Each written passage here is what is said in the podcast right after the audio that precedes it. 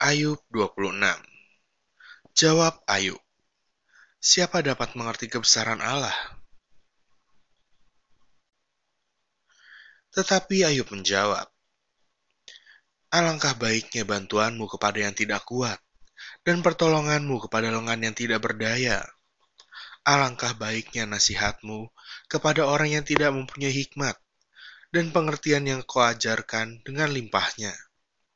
Atas anjuran siapakah engkau mengucapkan perkataan-perkataan itu? Dan gagasan siapakah yang kau nyatakan? Roh-roh di bawah menggeletar, demikian juga air dan penghuninya. Dunia orang mati terbuka di hadapan Allah. Tempat kebinasaan pun tidak ada tutupnya. Allah membentangkan utara di atas kekosongan dan menggantungkan bumi pada kehampaan. Ia membungkus air di dalam awannya, namun awan itu tidak robek. Ia menutupi pemandangan tahtanya, melingkupinya dengan awannya. Ia telah menarik garis pada permukaan air sampai ujung perbatasan antara terang dan gelap. Tiang-tiang langit bergoyang-goyang, tercengang-cengang oleh hardiknya.